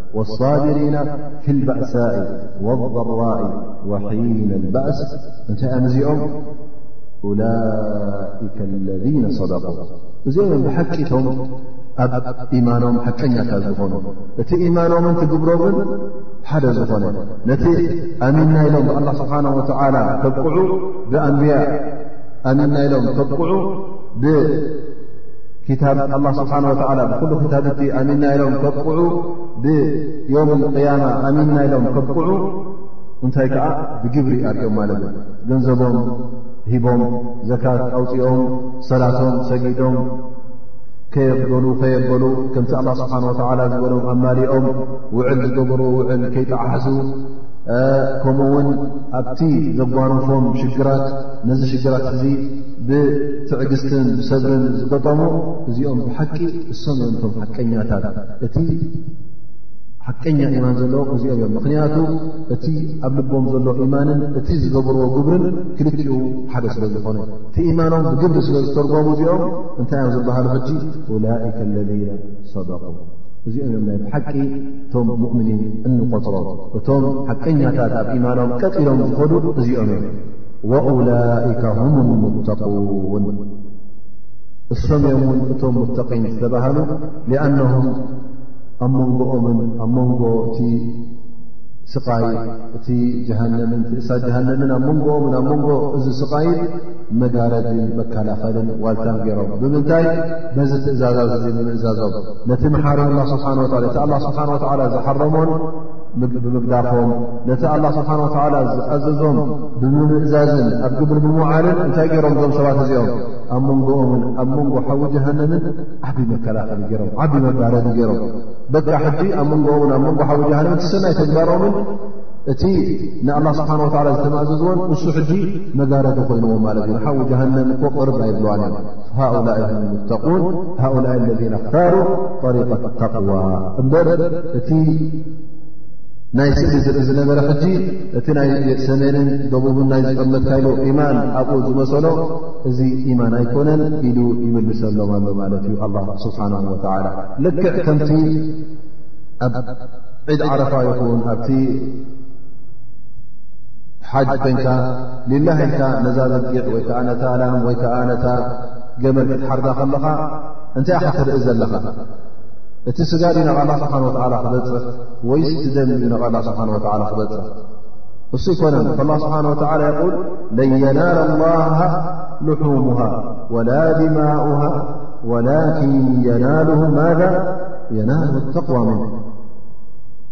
እቲ ግብሪ ኮነ ስእሊ ትገብሮ ዘለካ ይኮነ እዎ እዚ ነገር እዚ ሌላ ካ ትገብሮ ዘለካ ግን እተ ኢማን ናይ ብሓቂ ኢማን ዘየላ ኮይና ዝትገብሮ ዘለካ ምንም ጥቕሚ የብሉ ስለዚ ታ መበገሲ እንታይ ኣላ ስብሓን ወላ በጊዕ ሓሊፍካ ስጋ በጊዕ ክበላዕ ኣይኮነ ወላ ደም ክስኪስ ካልት ደም ናብ ክበፅሕ ኣይኮነን ደም ንዑ ኣድልዎ ኣይኮነ እንታይ ደኣ ካባካ እንታይ ዝግለ ዘሎ እታ ተቕዋ እታ ኢማን እታ ናይ ብሓቂ እምነት እያ እበረ እቲ ትገብሮ ዘለካ ስእሊ እዩ እበር ትቐንዲ መበገሲ እንታይ እቲ ኢማን ካብ ልብኻ ክትብገስ ከለኻ እትትገብሮ ስጉምቲ ካብ ልቢ ዝነቐለ ክኸውን ከሎ ካብ ኢማን ዝነቐለ ክኸውን ከሎ እዚ ዩ ኣላ ስብሓን ወተላ ዘድልዮ እሰብም ድማ እቶም ኣላ ስብሓን ወተላ እቶም ሳብቂን እቶም ብሓቂ ኢማኖምን ግብሮምን ዝተላዘበ ዝተላገበን ብሓደ ዝለፈነን ዝብሎምን ላ ስብሓን ወተላ ነዞም ሰባት እዚኦም በቶም ሳብቂን በቶም ሙተቂን ኢሉ ይውድሶምን ይዝክሮምን ኣሎ ማለት እዩ ባዕደ ዳሊክ ኣላ ስብሓን ወተዓላ ነዚ ጉዳይ እዚ ምስ ጠቐሰ ነቲ ናይ ቀንዲ ኢማን ምስ ጠቐሰ እቲ ክንረሓሉ ዘለና ዓቂዳ ወይ ከዓ እምነት ምስ ጠቐሰ እውን እቲ ቀንዲ ኣርካን ኣልእስላም ዝተባህለ ወይከዓ ኣርካን ኣልኢማን እቲ መእዝን ናይ ኢማንን ናይ መእዝን ናይ እስልምናን ምስ ጠቐሰ እውን ጌና ኣበይ ሓርቅ እንደገና ናበይ ሓልፍ ፃናባ ነቶም ሙእምኒን ነቶም እዚ ኩሉ ዝገበሩ እዞም ዝሓለፉ ሙእምኒን ንዕኦም ይፅውዖም ማለት እዩ ንዕኦም ክፅውዑ ከሎ ድማ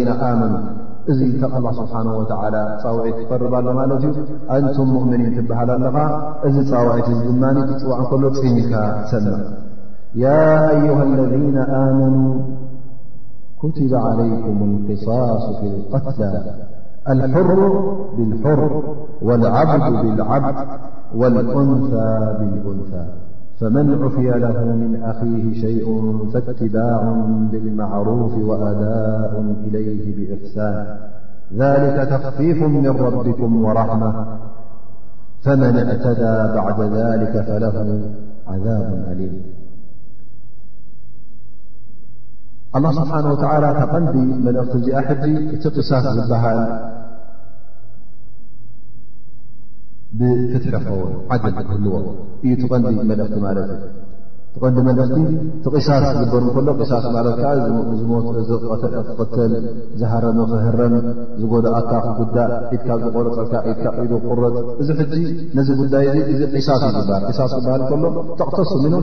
ናህካ መሰል ትወስድ ማለት እንተ ደኣ ተዘሊምካ እንተ ደኣ መሰልካ ተጋሂሱ ልካ ከምቲ ስኻ ተሃረምካዮ፣ ከምቲ ስኻ ተቐተልካዮ፣ ከምቲ ስኻ ተጎዳእካዮ እሱ ድማ እቲ ነዚ ጉዳይ ዝፈፀመ ልክዕ ከምኣ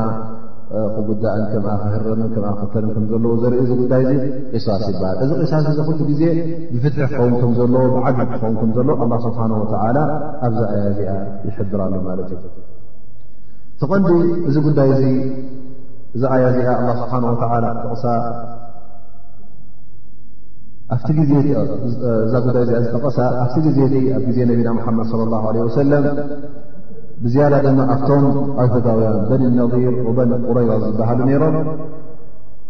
እዞም ክልተ ቀቢላ እዚኦም ሓደ ግዜ ኣብ መንጎም ብርቱዕ ኩናት ተኻይዱ ነይሩ ስለዚ ቁረይባ ወይ ከዓ ሓንቲ ቀቢላ እንታይ ገይራ ማለት እዩ ነቲ ሓንቲ ቀቢላ ንኣብነት እታ ቁረይባ ስዒራታ ማለት እዩ ምስ ሰዓረታ ሕጂ እንታይ ኮይኑ እሳ ስለ ዝሰዓረት እሳ ሓያል ስለ ዝኾነት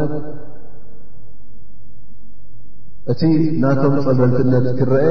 እንታይ ክም ጀሚሮም ንሕና እቶም ዝሰዓሩ ማለት እዩ ካባና እተ ሓደ እስኹም ካባና እተ ሓደ ቀትልኩም ግዴታ ክቐትል ኣለዉ ካባኹም ኢልዎም ሓደ ግን እንተ ሓደ ሰብ ካባና ካብታ ቀቢላኹም እተ ቀትሉ እዚ ሰብ ዙ ይቀተልን እዩ እንታይ ደኣ ድያ ይኸፍል ናይ ግዲ ማስኻ ሕጂ ሓያ ተኣ ኮይንካ ፀበልትነት ተኣ ኣለካ ኮይንካ ድላይካ ኢካ ተዛረብ ዳኣኒ እቲ ድንያ ውን ትሪእዎ ኣለኹም ሕጂ ዝዓለም ዘሎ ዝደለይዎ ፍርድዎ ዘይደለይዎ ፅንሓና ፈቲ ፍርዲ ኩሉ ግዜ እንተ ደኣ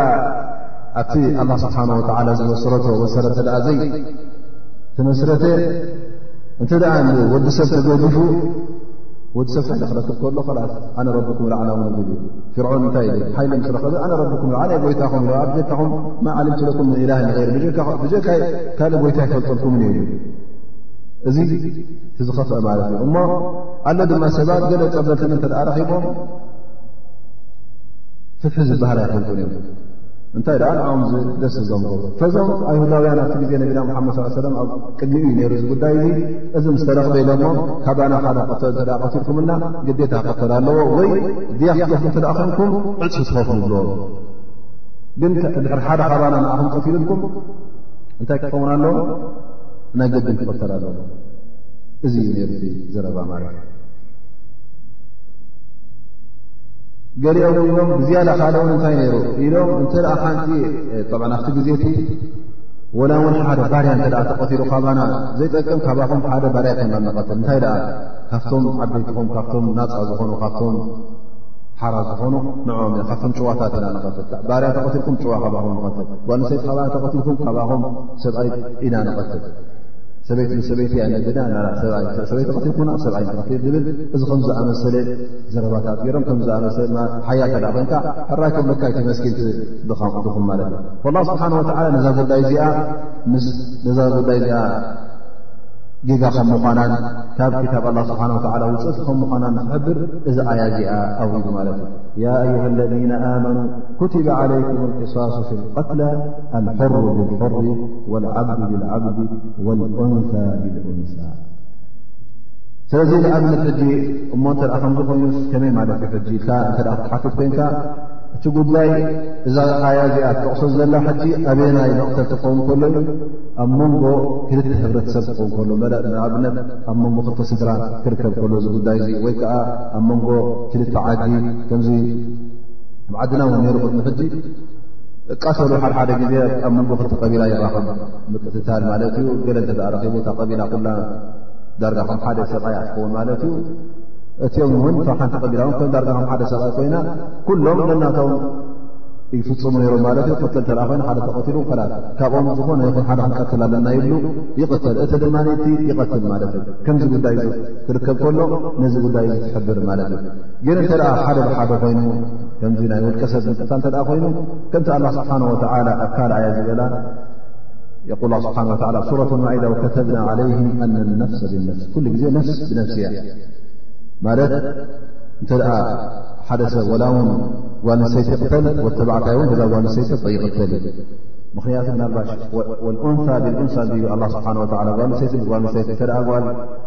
ሰብኣይ ጓልሰይትን ደ ቀትሉ ኣይቀተልን ዩ ንኸይትብል እዚ ጉዳይ እዚ ኣበየና ካ ትጥቀመሉ ኣብቲ ኣብ መንጎ ክልተ ከቢላ ኣብ መንጎ ክልተ ዓዲ ኣብ መንጎ ክልተ ጎደቦ ሃገር ዓድታት እዚ ከም ዝኣመሰለ ክረከብ ከሎ እተ ፍር ተባፂሖም እሞስ ከም መን ተቐትልኩም እይ ተቐትልኩም ተብዮ ክምዚ ደቂ ኣንስትዮ ተቐትለናና ክዚ ደቂ ተባዕትዮ ክበሃል እከሎ ሽዑኡ ተመዛዘን ማለት እተ ደቂ ኣንስትዮ ብደቂ ኣንስትዮ ተመዛዝነን እቶም ደቂ ተባዕትዮ ብደቂ ተባዕትዮ መዛዝንካ እሞ መን ዩቲ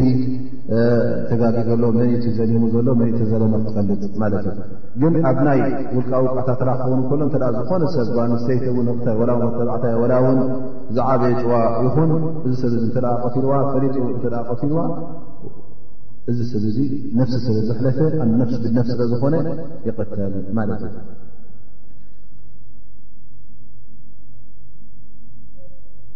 ወየቁል እዚ ዕለማእ ድማ ብሉ ሓንቲ መስኣላ ኣላ እንተ ሓደ ሰብ ኣብዚ ናይ መቕታል ማለት እዩ እተ ሓደ ሰብ ዓሰርተ ሰብ ተ ሓደ ሰብ ቀትሎም ከ እሞ ሓንቲ ነፍሲ እዮም ኣሕሊፎም ዘለዉ እዞም ዓሰርተ ሰብ ከመይ ጌርና ንቐትል ብዕጫ ዶ ንወስድ ወይ ከመይ ጌርና ንቐትል ኢሎም ነዛ ጉዳይ እዚኣ ከመይ ምምሱላ እንታይ ኮም ትምምሱላ ስ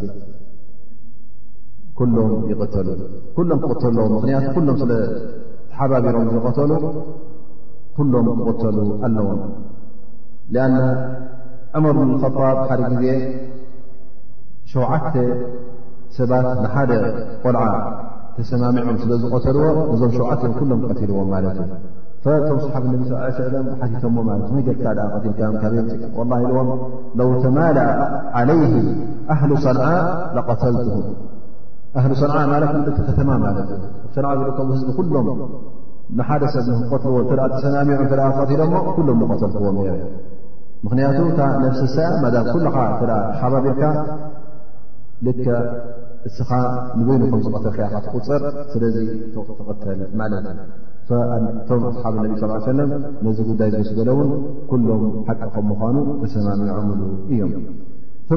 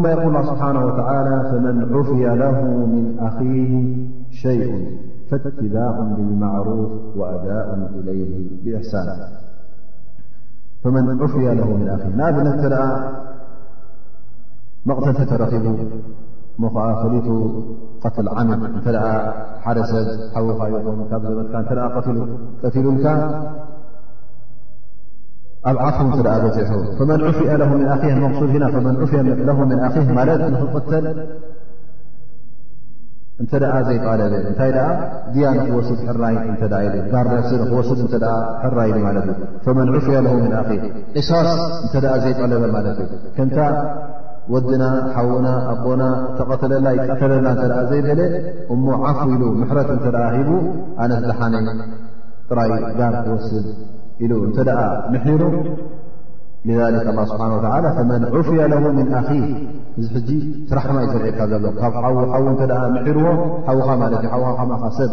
እስላማ ይኹን ወላ ውን ካል እተ ኮይኑ እቲ ሕውነት ናይ ነፍሲ ስለ ዘሎ ኣብዛ ነፍሲ እዚኣ እተ ምሒሩካ ፈመን ዑፍያ ለ ምን ኣኺ ሸይኡን ፈትባዕ ብልማዕሩፍ ወኣዳእ ኢለይህ ብእሕሳን ማለት እንተ ገለ ሰባት ዓፉ እንተ ኢሎም ድሕሪ ሕጂ ትሓትት እንከለኻ እስኻ ፈትባዑን ብልማዕሩፍ እቲ ገንዘበ ይሃቡን እቲ ጋርናብ ዝሃቡ ክትብሎም ከለኻ ዝያዳ ካብቲ ዝግባእ ኣይትሕተት ትጋር ነፍሲ ከምቲ ማዕሩፍ ዝኾነ ከምቲ ንቡር ዝኾነ ክትወስድ ይፍቀደካ ማለት እዩ ማለት ኣነ ክምሕረኩም ግን ንዓይ ኣብ ክንዲቲ እንተ ትጋር ነፍሲ ንኣብነት ሚትሽሕ እዩ እንተ ኢልናዮ ኣነ ላስ ክምሕረኩም ካብ ሜትሻሕ ክልተ ሜትሻሕ ግበሩለይ ሰለስተ ምት ሽሕ ዝበሎ ተዘየሎ ይቀተል ወድኹም ይቀተል ሓውኹም እተ ክትብል ኮንካ እዚ ሕጂ ማዕሩፍ ትገብር ኣለኻ ማለት እ ዝያዳ ትክብዶ ኣለኻ እቲ ጉዳይ ዓፍ እንተ ኮይኑ እተ ስኻ ትምሕር ኣለኻ ኮንካ ትጋር ነፍሲ ከም ንቡር ጌርካ ኣ ውሰድ እዚ እቲ ዝወስድ ማለት እዩ ፈትባዕ ብልማዕሩፍ ወኣዳእ ኢለይህ ብእሕሳን እቲ ዝህዝከ እቲ ጋዶቲ ዝኸፍል ድማ እሕሳን ገይሩ ክህብ ኣለዎ ሕራይ እናበለ ሙማጠላ ፅባሕ ፅባሕ ፅባሕ ፅባሕ እናበለ እውን ከናውሑ የብሉ ከምታ እዚ ሰብ እዚ ሰናይ መንገዲ ኣነስ ምሒረካ ኢሉካ ካብ መክተልቲ ናብ ዳር ነፍሲ ኣውሪዱልካ እሞ ከዓ ስኻ ውን ነፍሲ ሰብ ካዕሊፍካ ዘለኻ ስለዚ በቲ ገንዘብ እቲ ኣይትፃወት ፅባሕ ንግሆ ፅባሕ ፅባሕ እናበልካ ኣይተታልል እንታይ ደኣ ብሰናይ መገዲ ጌርካ ክፈሎም ወረ ካብቲ ዝበሉኻ ዝያዳ ወሲስካ ተሃብካዮ ውን እዚ እውን ፅቡቕ እዩ ምኽንያቱ እዙ ካብቲ እሕሳን ማለት እዩ እዞም ሰባት እዚኦም ገዲፍናልካ ኢና ከም ሰብና ጋርበብ ሰፅፈለና ኢሎምኻ ንስኻ ድማ እዚ ካብ ግበርኩም ሰብ ከሪኹም ኢልካ እዚ ትጋርበብ ሲ ዝና ዝያዳ ካባና ነቶም ኣይ ንኣብነት ኣይታም ገዲፉ ትርኣ ኮይኑ ወይ እውን ነቲ ወድኹም ውን ወይ ከዓ ነትቦኹም ንዑ ዝትክእ ገንዘብ ኣይኮነን ካብ ገንዘብ ይዓቢልካ እንተ ደኣ ብኽብረት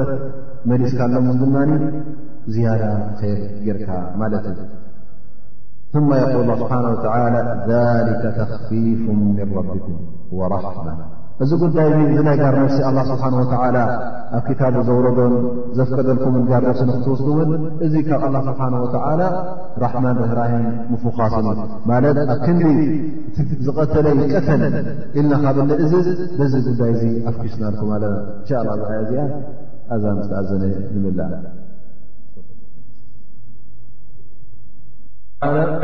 ኣብዛ ኣያ እዚኣ እዚ ጉዳይ እዚ ኣላ ስብሓን ወተላ በቲ ርህራኤው ከም ዘፋኾሰልና ይሕብር ማለት እዩ ምኽንያቱ ቅድሚ ሕጂ ኣብቶም ቅድሜና ዝነበሩ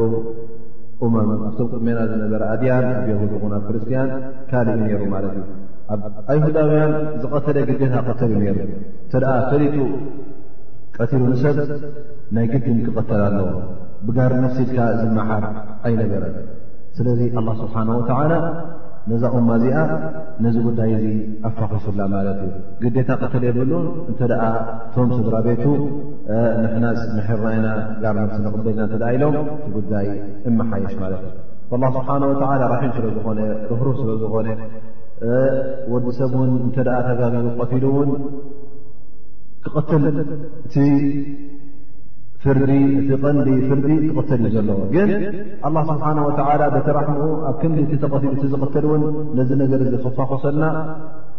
እቶም ስድራ ቤት እትኣ ምሒሮም ጋር ነፍሲ ንቕበል እተ ኢሎ እውን ክመሓር ከም ዝኽእል ኣላ ስብሓን ወተላ ሓቢሩ ማለት እዩ ኮላ ስብሓን ወተላ እቲ ጉዳይ ነቶም ተቐትሎምን ነቶም ዝቐተሉን ንኽልቲኦም ከም ዘይጎድእ ተቐትሎ ኣነ ሓወይ ተቐትሉኒ ዩ ኣቦይ ተቐትሉ ኢልካ ኣብኡ ከሎ ንኩሉ ላስ ኣብ ይመሓር ኣይገነን እንታይ ደኣ ምርጫ ገዲፍልካ ማለት እዩ ሰብካ ክቐተል እከሎ ሓዉካ ኣቦካ ገ ክቐተል እከሎ ኣላ ስብሓን ወተዓላ ምርጫ ሂቡካ እንተ ገዲኻ እዚ ሰብ እዚ ክቀተለይ ተልካ ክቐተለልካ እንተ ኣነስ ጋር ነፍሲ ቅበል ይምሕሮ ተልካ ክትምሕር ሕጂ እዚ ነገር እዚ ገዲፉልካ ማለት እዩ ምክንያቱ ወዲ ሰብ እተ ሓዉ ሰቡ ተቐትልዎ ኩሉ ግዜ እዚ ጉዳይ እዚ ቀሊል ኣይኮነን ዓብ ነገር እዩ ተረኪቡ ዘሎ እሞ ከዓ ሸለሊ ካሕርፎ ዝበሃል ኣይኮነን ፈላ ስብሓን ወተላ እታ ነብሲ ናይ ወዲ ሰብ ንዓ ንክዕግብ ወይ ብገንዘብ ወይ ከዓ ብባክተሲ ይዕግበለ እቶም ሰቦም እቶም ዝቐተሉ ድማ እሶም እውን እቲ ዝገበርዎ ጉዳይ ቀሊል ስለ ዘይኮነ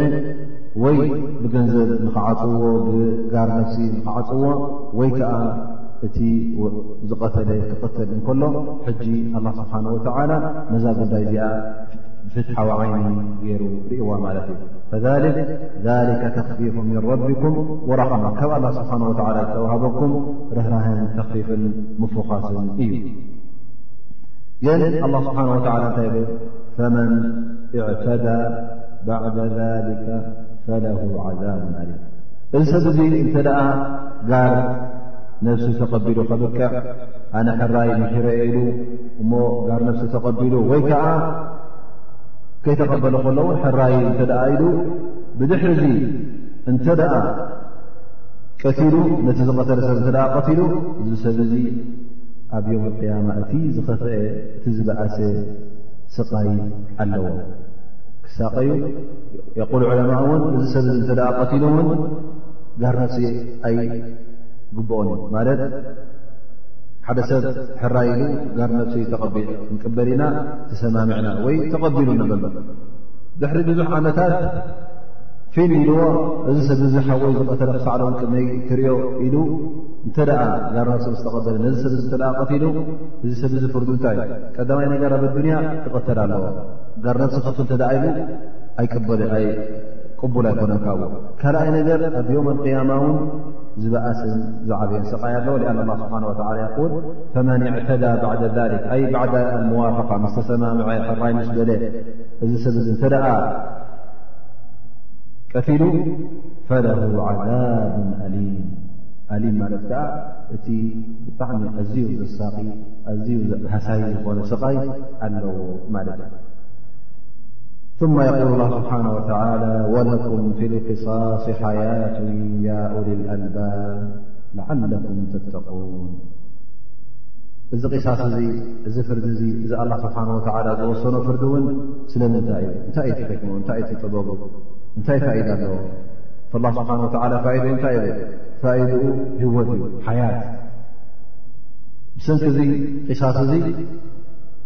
ህወት ክትረኽብዎ ዩ ኣብኡ ከሎ ብኩላ ህወት ዩ ኢሉ ኣላ ስብሓን ወተላ ይሕብረና ማለት እዩ ምኽንያቱ ሰብ እንተ ደኣ ዝቐተለ ከምድላይ ክኸይዱ እተ ፍቀድ ኮይኑ ዝቐተለ ብዝቐተሎ ዝተቐተለ ብዝተቐትሎ እተ ክነብር ኮይኑ ሰብ እንታይ ክብል ማለት እዩ ኣብ ክንዲ ዝቐደምሲ ክቐድም ኢሉ ንንሕታ ክትባላዕ ክትቃተልን ማለት እዩ ላኪን ኣላ ስብሓን ወተላ እዚ ጉዳይ እዚ እዚ ፍርዲ እ ዝቂሳስ እዙ ብምውራዱ ክንደይ ሰባት ኣለዉ እንተ ደኣ ንሰብ ዝቐትልዎ እናደልዩ ከሎ ዝፀልእዎ ሰብ እናረኣይዎ ከሎ እሞ እንተ ቀትል የ ዝቅትል እየ ዝብል እምነት ስለ ዘለዎ ኣብ ክንዲ ምቕታል ሕጂ ኢዱ ይሕዝ ማለት እዩ ይቁጠብ ማለት እዩ ካብ ምቕታል ይቁጠብ እዚ ሕጂ እንታይ ይርከብ ኣሎ ማለት እዩ ህወት ይርከብ ኣሎ ማለት እዩ ርግኣት ይርከብ ኣብ ክንዲ ንንሕትካ ተቐታትልካ ትቀታተልን ትበላልዕን ኩሉ ሰብ ኣነ ውን ክቐተል እየ እተ ቀትለ ክተል እየ ዝብል ስምዒት እተ ገይሩ እዚ ጉዳይ እዚ እውን ካበይ ተበገሰ ክኸውን ኣለዎ ካብ ኢማን ተበገሰ ክው ከሎ ዓላኩም ተተቁን ምኽንያቱ ካብ ተቕዋ ዝተበገሰ ካብ ኢማን ተበገሰ ክውን ከሎ እዚ መቕተልቲ እዚ ቀዳማይ ነገር ኣላ ስብሓን ወተዓላ ዘይፈትዎን ዘይደልዮን ተግባር ትገብር ኣለኻ ነፍሲ ትሐልፍ ከም ዘለኻ እተ ኣሚንካ እተ ነፍሲ ዘሕለፈ ዘማ ፅባሕ ንጎ የበልቅያማ ዓብስቓ ከም ዘለዎ እተ ኣሚንካ ኣብ ርእሲኡውን ኣዱንያ ተኸስራ ከም ምዃንካ ቅተል ከም ምዃንካ እንተ ደኣ ኣሚኑ ሰብ ሰብ ከይቅተሎ ከሎ ክሓስብ እዩ ኣነስ ጥፍኣ ሄ ዝገብር ዘለኹ ደኣ እምበር ረብሓ ኣይኮንኩን ዝገብር ዘለኹ ኢሉ ክኣምን እዩ ማለት እዩ ስለዚ እንተ ደኣ ብሓቂ እዚ ጉዳይ እዚ ጉዳይ ናይ ቂሳስ ኣብ ግብሪ ዝውዕል ኮይኑ እንተ ደኣ ነዚ ጉዳይ እዚ ትዕቅብ መንግስቲ ላ ኮይና እቲ ህብረተሰብ ኣብ ሰናይ ህይወት ኣብ ሞት ዘይብሉ ህይወት ማለት ንሕልፍካ ምቅታል ዘይብሉ ኣብ ኣማን ኣብ ርግኣት ኢኻ እትነብር ማለት እዩ ذ ላ ስብሓን ወተላ ወለኩም ፊ ቅሳስ ሓያት ኣብዛ ቅሳስ እዚኣ ኣብዚ ፍርዲ እዙ ህወት ኣለኩም ያ ኦልል ኣልባብ ኣንቱም ኣእምሮ ዘለኩም ሰባት ኣንቱም ኦልል ኣፍሃም ኣንቱም ትርድኡ እተ ኮይንኩም ኣእምሮ ተለኩም ዓቕሚ እተ ኣለኩም ኮይኑ እዚ ጉዳይ እዙ ንዓኹም ኢዩ ተባቢሉ ንኣብነት ገለገለ ሃገራት ሕጂ እንታይ ኣለኻ እዕዳም ዝበሃል ወይ ከዓ ሰብ ዝቐተለ ሰብ ዝቐተል የብሎ ዝብሉ መንግስትታት ኣለዋ ማለት እዩ ዝቐተለ ኣይቀተል እንታይ ደኣ ንእሰሮ ኮፍ ነብሎ ወይ ከዓ ን2ስራ ዓመት ን ሰላ ዓመት ፈሪድካ ዳሕራይ ከምድላ ይኸል እዚ ጉዳይ እዚ ሕጂ ምስቲ ናይ ኣላ ስብሓን ወተዓላ ትእዛዝ ምስቲ ኣላ ስብሓን ወተዓላ ዝሃቦ ሓበሬታን ዝተገራጨወ እዩ እዚ ከምዚ ዝብሉ ሰብ ዚ ኣይርድኡን እዮም ማለት እዩ ላ ስብሓን ወላ እቶም እሳስ ክኸውን የብሉን ዝቐተለ ክተል የብሉ ዝብሉ ሰብ ኡሊል ኣልባብ ኣይኮኑን ማለት እዮም ኣእምሮ የብሎም ን ላ ስብሓን ወላ ወለኩም ፊ ልቅሳሲ ሓያቱን ያ ኡሊል ኣልባብ ኣንቱም ሞም ኣንቱም ልቢ ዘለኩም ኣንቱም ዓቕሊ ዘለኩም ቆርቡ ኣእምሮ ግበሩ ማለት እዩ እንተ እዚ ጉዳይ ዘየለ ኮይኑ መቕተልቲ ክበዝሕ እዩ ኣብ መንጎኹም እተ ዝቐተለ ሰብ ብዝቐተሎ ክኸይድ ኮይኑ እተ ሓሙሽተ ዓሰርተ ዓመት ኮይነን እንታይ ኣለዎ ንብለካ ሓደ ሰብ ትቐትሎ ዋላ ዓሰርተ ዓመት ዝእሰር ዓሰርተ ዓመት ተኣሲረ ምንም ሽግር የብለ ዝበለ እሰርቲ ዝጥስ ዝብለካ ቤት ማእሰርቲ እዚ ዓይነት ዘለዎም ርእቶን ስምዒት ስለ ዘለዉ ሰባት ወዲ ሰብ ከምዚ ዓይነት ባህሪ ስለ ዘለዎ ያ ኡልኣልባብ ኣንቱም ሙእምኒን ኣንቱም ትብ ዘለኩም ነዚ ጉዳይ እዚ ኣዕቅብዎ ዝተቐተለ ሰብ ፍርዱ ክወስድ ኣለዎ ፍርዱ ድማ ቂሳስ እዩ ኢላ ፊ ሓላ ዋሒዳ እንተ ደኣ ዓፍሎም እቶም ቤተሰብ ኣላ ስብሓን ወተዓላ ወን ራሒም ምኳኑ ንኣብነት ቤተሰቡ እንተ ቶም ቤት ዓሰርተ ሰባት ኮይኖም ትሽዓተ ቀተል እንተ ሎም ሓደ ኣነ ምሕረ እንተደ ኢሎ ቤን ውሰድ በቶም ብ ትሽዓተ ምሕረት በታ ምሕረት ትውሰድ በቲ ናይ ሓደ ሓደ ንተሕራ ተናዚለ ኢሉ እታ ምሕረት ትውሰድ ሊክ ኣላ ስብሓን ወተዓላ ትራሕማና ትኸርእካ ማለት እዩ ኩሎም ይቀተል ናባም እንተ ሓደ ምሒሩ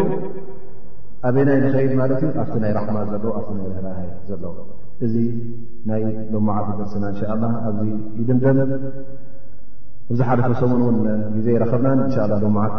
ኩለ ውን ናይ ወዳእናየን እተን ዝቐረእናየን ኣያ ዝመፅ ዘሎ ሰሙን እንሻ ላ ንምልአን ዝቐንዲ ነገር ፋይዳ ምርካብ ማለት ናይ ጎየና ኣይኮነን ስለዚ ሎማዓት እንታይ እንታይ ፋይዳ ከበሓዝና በብሓደ እንሻ ላ ንሳተፍ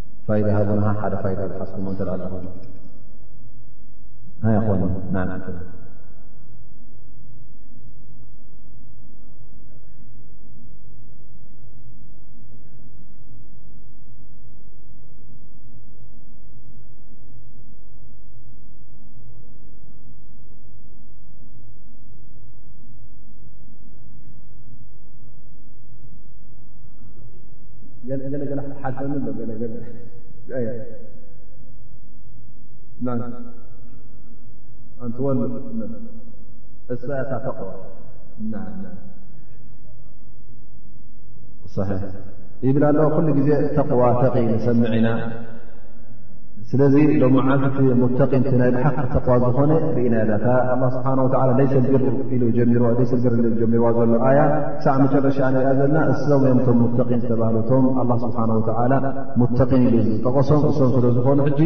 ነዚ ተግባር እዚ ወይ ከዓ ነቲ ኣላ ስብሓን ወዓላ ዝጠቐሶ ተግባራት ኣብ ግብሪ ተላውዒልናዮ ካብቶም ሙተቒን ክንከውን ኢና እዚኣ ሓንቲ ፋይዳ ማለት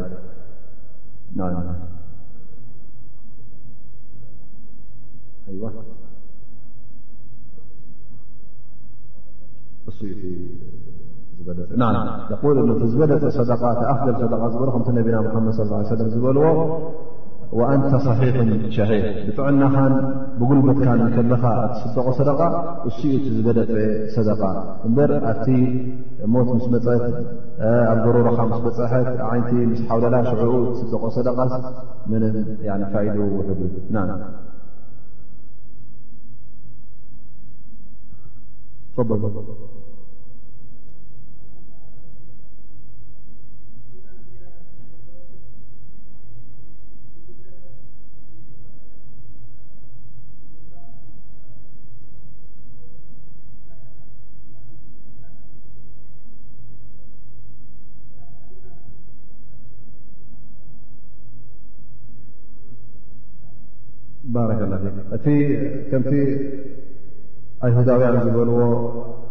ኣይኮነን ማለት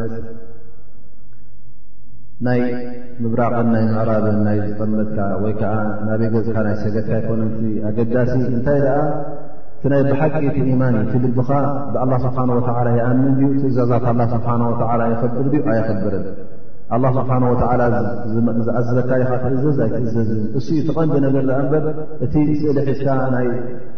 ንጆደብላ ገርና ቂብላና በዚኡ ቂብላኹም በዚኡ ንሕና ንበልፅ ንስኹም ትበልፁ ናይ ዝበልካ ኣይኮነን እንታይ ደኣ መን እቲ ብሓቂ ብኣላ ስብሓን ወተላ ዝኣምንን ነቲ ኣላ ስብሓን ወተላ ዝኣዘዞን ዝበሎን ዘተግብርን ዘተግብርን እሱ እቲ ወሳኒ ደኣ እምበር እቲ ናይ ሰሜንን ናይ ደቡብን ናይ ዝጠመትካ ኣይኮነን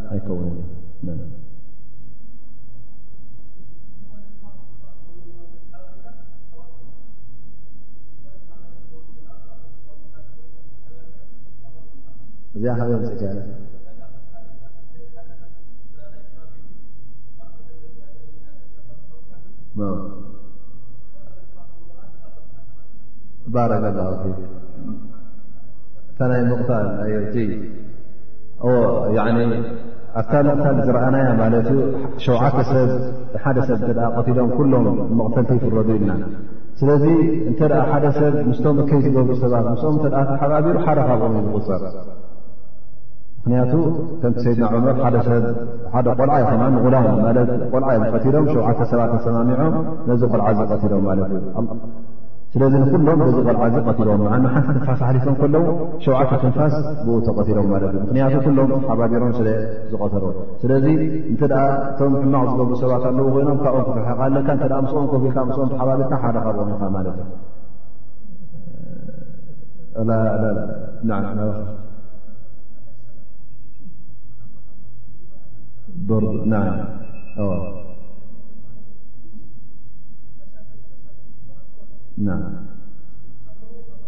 ዘይትፈልጦ መሳኪን ዝቁፅሩ ባረከ ላ ተኣፍል ሰደቃ ዝብልናዮ ጠ ኣንተ ሰሒሑን ሸሒሕ እና ርና እዚ ንዓኻ ዘር ማለት እዩ ንስኻ ብጥዕናኻን ብገንዘብ እናደየካ ከሎ ገንዘብ ክትክብ እናደረካ ከለኻን እተውፅኦ እቲ ኣፍል ሰደቃ ድማ ንመን ክኸውን ኣለዎ ተውፅ ከለካ ክንመን ቀዳማይ ነገር ነቶም ኣህሊ ቤትካ ነቶም ኣቅሪባካ ነቶም ኣዝማትካ ነቶም ስድራቤትካ ክኸውን ከሎ ዝበለፀ ይኸውን ማለት እዩ ከምኡ ውን ኣለዉ መሳኪን ኢልካ ትቆፅሮም ምናልባሽ እቲ ኩሉ ሰብ ዝፈልጦም መሳኪን ኣለዉ ግን ዘይፍለጡ መሳኪን ኣለዉ ንዖም ክትግደሰ ኣሎ ማለት እናሰርሑን እናእተውን እና